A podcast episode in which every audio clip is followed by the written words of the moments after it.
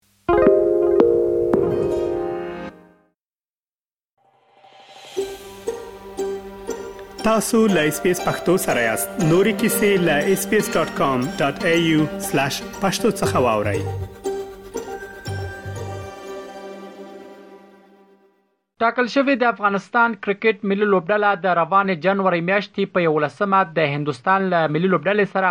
د دریو شل اوریزو لوبو لوبلړۍ پیل کړي.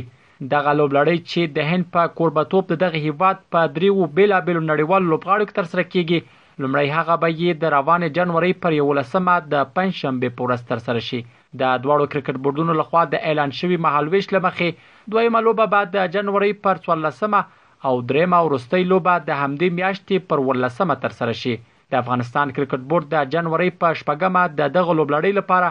د ځوان لوبغاړي ابراهیم ځدران تر لوبډلمشرۍ لاندې خپل نولس کسیز لوبډله اعلان کړه. په اعلان شوې لوبډله کې راشد خان هم شته، خو دا لا نه ده معلومه چې هغه به د لوبې جوګه شي او که نه. په دغه نولس کسیزه لوبډله کې د لوبډلمشر ابراهیم ځدران ترڅنګ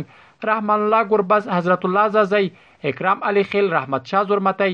محمد نبی نجیب الله ځدران کریم جنت عظمت الله عمرزی شرف الدین اشرف مجیب الرحمن فضل حق فاروقی فرید احمد ملک نوین الحق نور احمد لکنوال قیس احمد سلیم ساپی او ګلب الدین نایب شامل دي د افغانستان کرکټ بورډ چارواکي وایي د افغانستان کرکټ ملي لوبډله د یادې لوبلړۍ لپاره پوره چمتوالی لري او هیله من دي چې دغه سریز به په راتلونکو سیالیو کې د افغان لوبډلې په چمتوالي کې مرسته وکړي د کرکټ بورډ ویاند سید نسیم سادات له اس بي اس راډیو سره په خبرو کې دغه لوبلړۍ د افغان لوبډلې لپاره ارزښتناکه وبلله او په وینا یې،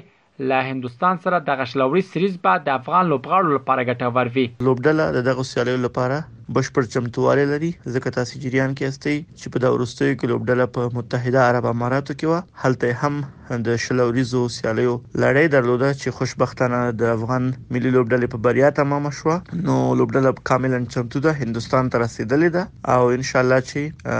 د یو لسمه نیټه باندې به د هندستان پر وړاندې خپل لومړی سیالي تر سره کی البته 13 لړۍ او دغه لوبلړۍ او له دې نه وروسته چې کومې لوبلړۍ دي دا ټولې ډېرې مهمې دي ځکه موږ په همدغه کال دوه زره څلورویشت د جون میاشت کې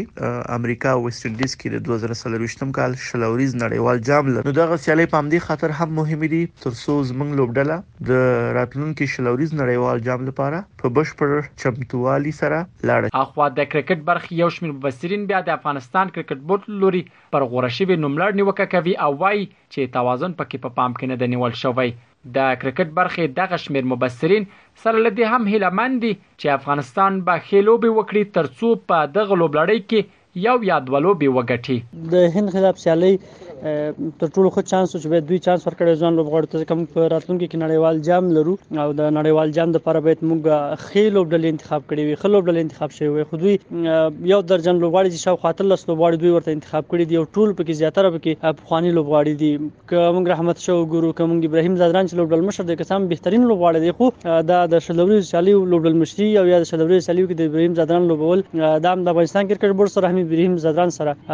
زور او زیاته دی په هر صورت د هند په سره سیالۍ ډېرې زیاتې مهمې دي تم او توقع هم دا چې اوس د کوم اتلس لوبغاړي ټاکل شوي له دوی نه یو ډېره ښه یو لس کسیزه لوبډله جوړېدای شي ترڅو موږ حد اقل په سیریز کې هند ته په یوه سیالۍ کې ماتې ورکړو زما په نظر کومه لوبډله چې د هند پر وړاندې د شل اوریزه لوبلړۍ لپاره انتخاب شوې ده خپلې ستونزې هم لري او هغه خوبیانې هم لري. ستونزې معمولا دا دي چې د بېټنګ په برخه کې اوس هم کمزورې لوبډله انتخاب شوې ده، تقریبا دراحمد شاه په شمول یوازې شپږ بېټسمینان به موږ په لوبډله کې لرو، نور ټول بالران او الونډران دي. که چېرته د هند پر وړاندې موږ داسې مهمه سیالۍ لرو چې راتلونکی نړیوال شل اوریز جام دی، یو ښه امادګي ده، په هند کې د کرکټ ښه بازار موندنه ده، نو اوس د زمونږ تمه او امید دا دی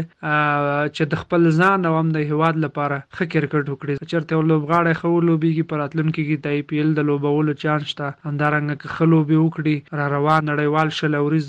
جام دی هغې ته به انتخاب شي بل په افغان لوبډله به پوکس د نړیوالو نور زیات شي. ورته وخت کې د کرکټ یو شمېر مینه وال بیا وایي له خپلې لوبډلې په هر ډول شرایطو کې ملاتړ کوي او تمه لري چې افغان اتلان به د هندوستان له لوبډلې سره چې د افغانستان له کرکټ ملي لوبډلې نسبتاً قوي ده، ښې لوبې وکړي. د افغانستان او د هندوستان د لوبو دا چې زمونږ له هغوی سره لومړنی سیریز ده د ټي ټوینټي دا چې مونږ په ورلډ کپ کې هم ورسره مخ شوي یو، په ایشیا کپ کې مخ شوي یو خو مونږ ورسره سیریز نه و کړی. دا د ځوانان د پر ځوان ټیم انتخاب شوی دی خین ټیم انتخاب شوی دی او بل د ګټه خبره خو دا ده چې ابراهیم پکې کپټان شوی دی نو دا د موږ لپاره ډیره ګټه لري نو ان شاء الله هیله ده چې لدې ټیم سره او لدې سکواډ سره به موږ وین لرو ان شاء الله د افغانستان او هندستان روانې پنځشنبې په ورځ